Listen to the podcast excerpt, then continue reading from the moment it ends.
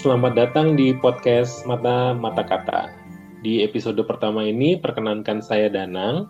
Dan saya Kini, yang menjadi tuan rumah podcast ini untuk memperkenalkan sekelumit tentang podcast. Jadi podcast Mata-Mata Kata berangkat dari kesukaan kami akan dunia menulis dan membaca buku. Awalnya kami berdua adalah penulis blog yang dengan berjalannya waktu merasa bahwa ungkapan ekspresi yang hanya berupa tulisan tidaklah cukup. Dalam zaman yang serba cepat dan modern ini, banyak orang yang tidak lagi punya waktu untuk membaca karena kesibukan aktivitasnya. Untuk itulah kami berpikir untuk menyuarakan apa yang biasa kami tulis dan terwujudlah podcast ini. Filosofi di balik nama mata-mata kata adalah bahwa kami berdua akan menelisik dan membongkar banyak hal menarik yang bisa jadi tidak banyak dibicarakan oleh orang lain. Apa yang kami telisik adalah hal-hal yang diindra oleh mata, yaitu buku, film, dan seni pertunjukan lainnya. Uh, rasanya cukup ya mas perkenalan singkat tentang podcast kita kali ini dengan berjalannya waktu tentu kita akan makin saling mengenal lebih dalam lagi.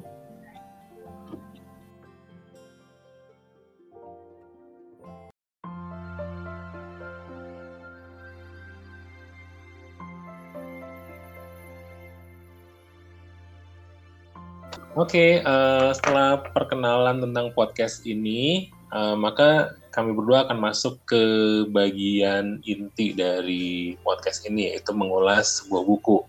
Dan karena ini bertepatan dengan tanggal 30 September nih, jadi pengennya sih ada nanti diserempet-serempetin ke peristiwa itu deh pokoknya. Nah, buku apa nih yang mau kita bahas malam ini, Kimi? Uh, jadi buku yang mau kita bahas adalah buku yang belakangan saya suka dan sudah selesai baca sih. Judulnya Yang Terlupakan dan Dilupakan, membaca kembali 10 penulis perempuan Indonesia. Buku ini baru sih diterbitkannya di bulan Oktober 2021 kemarin oleh Margin Kiri penerbitnya. Uh, buku ini tentang apa sih sebenarnya?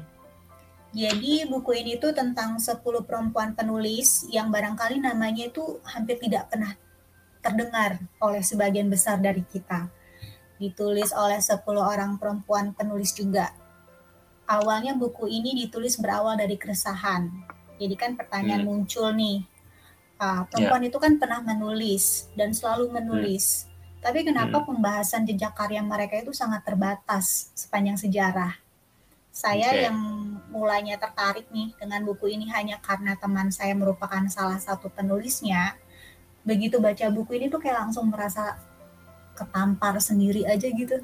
Itu karena saya kan selama ini ngakunya perempuan yang hobi baca, juga ngaku-ngaku range bacaan saya itu cukup luas, tapi nyatanya saya nggak pernah mendengar satu nama pun yang ditulis di sini.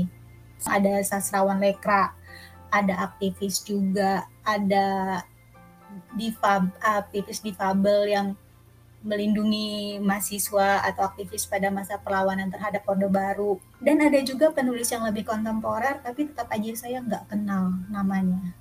Sebenarnya ada rentang waktunya nggak sih eh, penulis-penulis ini? Uh, kalau rentang waktunya, mereka ada yang lahir dari akhir abad 19 gitu. Terus okay. meninggalnya di tahun pertengahan 9 abad ke-20-an ya tapi yang paling muda sih kelahiran 1970. Jadi penulis di sini melewati mas ada yang dari masa penjajahan kolonial Belanda, Jepang, hmm. sampai rezim Orde Baru. Tadi kayak yang kamu bilang ya bahwa perempuan hmm. apa penulis ini kan ada di berbagai masa ya, ada yang di uh, yeah. zaman penjajahan, terus masuk juga ke Orde Baru, ada lagi tahun 65 tadi Orde yang kontemporer. Berarti di setiap zaman ada penulis perempuan dan di setiap zaman juga para penulis perempuan itu terlupakan. Kayak gitu ya kira-kira? Iya, betul. Jadi uh, sebenarnya buku ini tuh tentang biografi para penulis perempuan ini yang kemudian ditulis oleh para perempuan atau ada yang lainnya? Uh, nggak cuma biografinya mereka sih yang ditulis, Jadi ini juga semacam pembacaan ulang terhadap karya-karya mereka. Jadi karya mereka dibaca ulang, kemudian dibahas, selain juga tentunya menggali kehidupan mereka, pemikiran juga proses kreatifnya mereka. Jadi buku ini tebalnya sekitar 332 halaman. Cukup tebal sih ya memang, tapi cukup komprehensif juga menurut saya menjelaskan biografi singkat uh, ke 10 penulis perempuan ini uh, mungkin tebal, tapi ternyata cukup cepat selesai juga kok dibacanya. Mungkin karena cara penulisannya menarik ya, mengalir kayak bercerita aja gitu. Hmm, oke. Okay. Uh, eh, dan apakah uh, tadi kan uh, apa namanya dia semacam pembacaan ulang ya? Ya. Uh, apakah pembacaan ulang itu disesuaikan dengan zaman sekarang ketika buku ini terbit ya, sehingga jadi lebih menarik atau gimana? Tidak menyesuaikan dengan keadaan sekarang sih kalau menurut aku meskipun topik-topiknya tema-temanya mungkin masih relevan ya. Oke okay, oke okay. jadi uh, mereka apa sih uh, menulis apa mengutip ya mengutip eh, bagian-bagian uh, menarik dari apa yang sudah ditulis oleh para penulis yeah. ini pada zamannya gitu. Oke. Okay. Yeah, betul. Dan lalu dari kutipan itu dikasih ya diinterpretasikan oleh mereka yang uh, yang yaitu sesuai zaman sekarang kayak gitu. Iya. Dan rupanya masih relevan kayak gitu ya. Betul kayak semacam review lah. Jadi ada buku hmm. uh, dari masing-masing hmm. penulis ini kemudian mereka bahas, mereka review. Uh, hmm. Ya seperti itu sih. Oke okay, oke okay. oke ini kalau kita bahas sepuluh sepuluhnya kayaknya mungkin selesainya beberapa hari lagi. Tapi gini. Yeah 10 dari 10 penulis ini yang paling menarik buat kamu itu siapa dan kenapa? Uh, yang paling menarik buat saya adalah Omi Intan Naomi yang ditulis oleh Rain Hudori. Alasannya karena barangkali saya paling bisa relate dengan dia. Di antara 10 perempuan penulis di sini, dia kelahiran paling muda tahun 1970 dan meninggal di usia paling muda juga uh, usianya 36 tahun di tahun 2006 waktu dia meninggal. Okay. Hmm. Saya merasa relate dengan Omi itu karena Omi menggunakan media internet juga seperti blog untuk nulis. Ya memang kan internet itu mulai masuk dan berkembang di Indonesia itu medio 90-an. Jadi kan ketika mungkin dia usia 20-an, 30-an sudah mengenal internet, kemudian dia mulai terjebak di sana dia tuh tadinya cukup aktif mas di, okay. di kehidupan sosialnya dia teater hmm. pameran seni juga di dunia aktivisme tapi begitu dia mengenal internet dia pelan-pelan berubah menjadi lebih sunyi istilahnya karena dia banyak okay. tenggelam di dunia maya dia terlalu terlarut di sana mungkin karena dia merasa di dunia nyata itu terlalu banyak represi ya, entah oleh pemerintah atau represi norma sosial yang mengatur sekali gitu. Sementara Om itu nggak hmm. suka karena dia itu individu yang mandiri gitu loh mas, yang terlepas dari kungkungan hal-hal seperti itu. Nah, hmm. sementara dia merasa di internet sekat batasan itu terlalu tipis, mungkin bahkan okay. hampir tidak ada kan jadi ya, Oni yeah, yeah. merasa lebih luas dan menikmati di sana. Ruang digital itu memberi dia kebebasan. Dia saking sangat menikmatinya Mas kalau dia sudah mulai fokus bekerja itu dia bisa ngurung dirinya berhari-hari di dalam kamar untuk hmm, menghasilkan karya. Okay. Itu alasan pertamanya kenapa saya uh, tertarik dengan dia. Kemudian alasan berikutnya mungkin ini alasan yang lebih gelap dan barangkali hmm. banyak yang tidak setuju dengan saya kali ya jadi ceritanya Omi ini pernah diramalkan garis hidupnya itu pendek. Dia akan mati muda.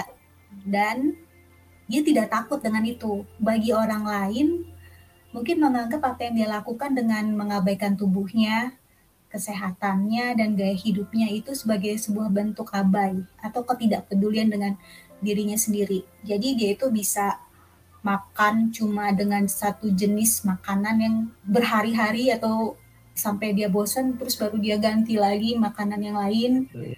kemudian yang tadi uh, begandangan atau entah apalah gaya hidupnya yang seperti itu tapi saya menganggap dia itu pemberani mas karena dia tidak takut mati itu saya mengagumi okay. bagaimana Obi menye Omi menyambut dengan penuh keberanian dengan tangan terbukanya juga akan yang takdirnya yang katanya diramalnya bahwa dia akan meninggal muda.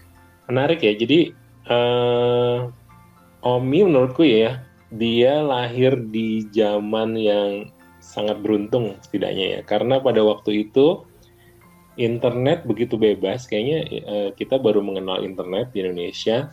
Jadi belum ada aturan-aturan yang begitu mengekang seperti sekarang ya. Bahkan sekarang dunia internet aja sudah banyak aturannya nggak sih? Iya benar kalau ya, sih mungkin kalau oh. Omi ini bisa bang bangkit dari kubur kalau iya, Omi menulis itu. sekarang, jadi mungkin dia bakal kena UU ITE terus kali ya. Itu atau kena uh, apa dirujak netizen ya nggak sih? Iya benar. Misalnya ya, ya, dia jadi, menulis apa langsung dibantai sama netizen. Benar benar benar benar.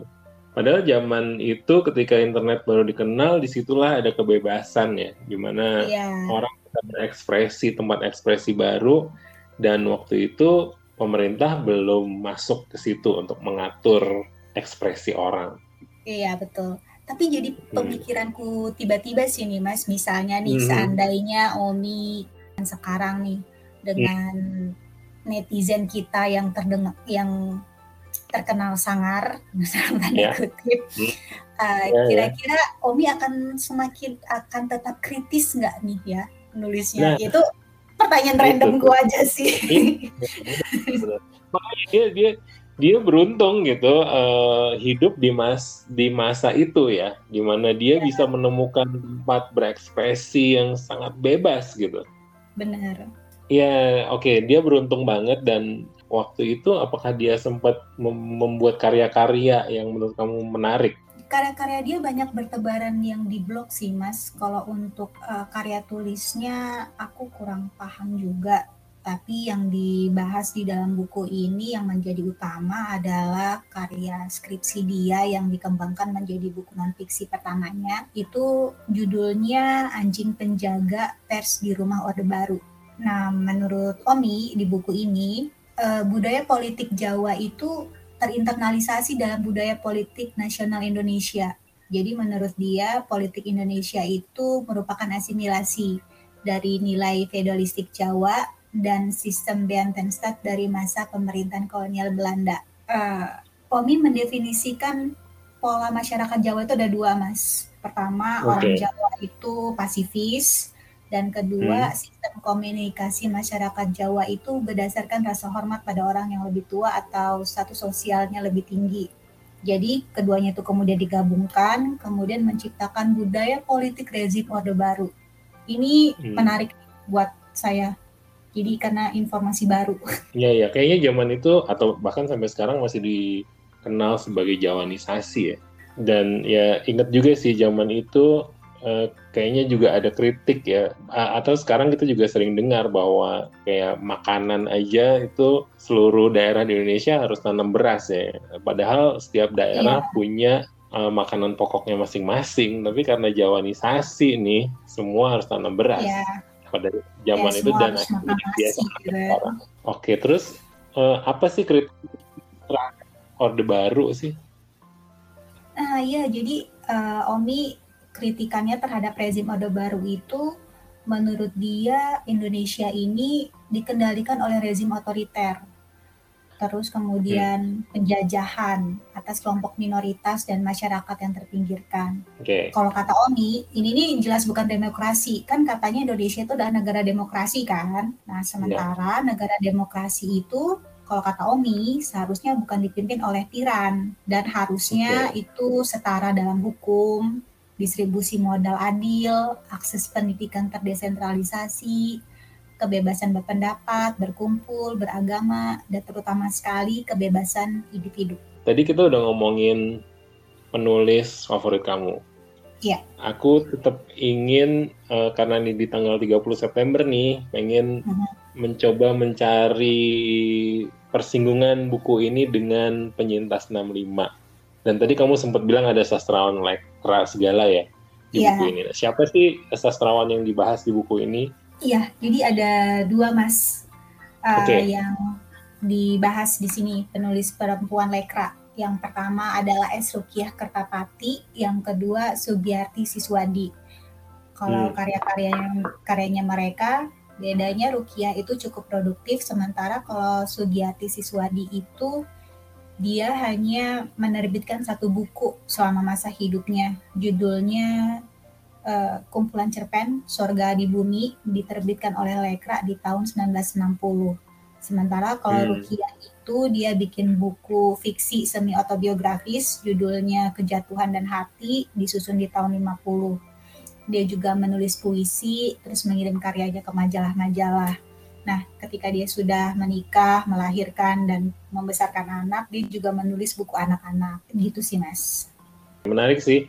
Dan emang kayaknya bahkan sampai sekarang walaupun udah banyak media yang mengungkap bahwa banyak seniman yang tergabung dalam lekra yang karyanya menghilang, tapi kayaknya buku ini berhasil ya setidaknya mengangkat dua seniman penulis lekra yang namanya setidaknya mulai kita dengar ya nggak sih dengan buku yeah, ini. Betul.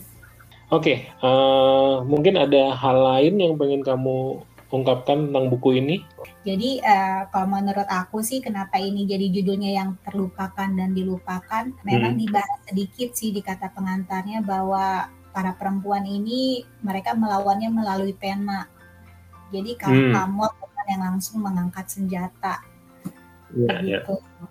Ya, kayaknya uh, sampai di sini episode pertama podcast Mata-Mata Kata. Kalau kamu nggak mau ketinggalan episode-episode selanjutnya, silahkan klik follow podcast ini. Kamu juga berinteraksi dengan kami berdua lewat media sosial di Instagram at mata-mata kata dan juga di Twitter at podcast mata kata. Sampai jumpa di episode selanjutnya.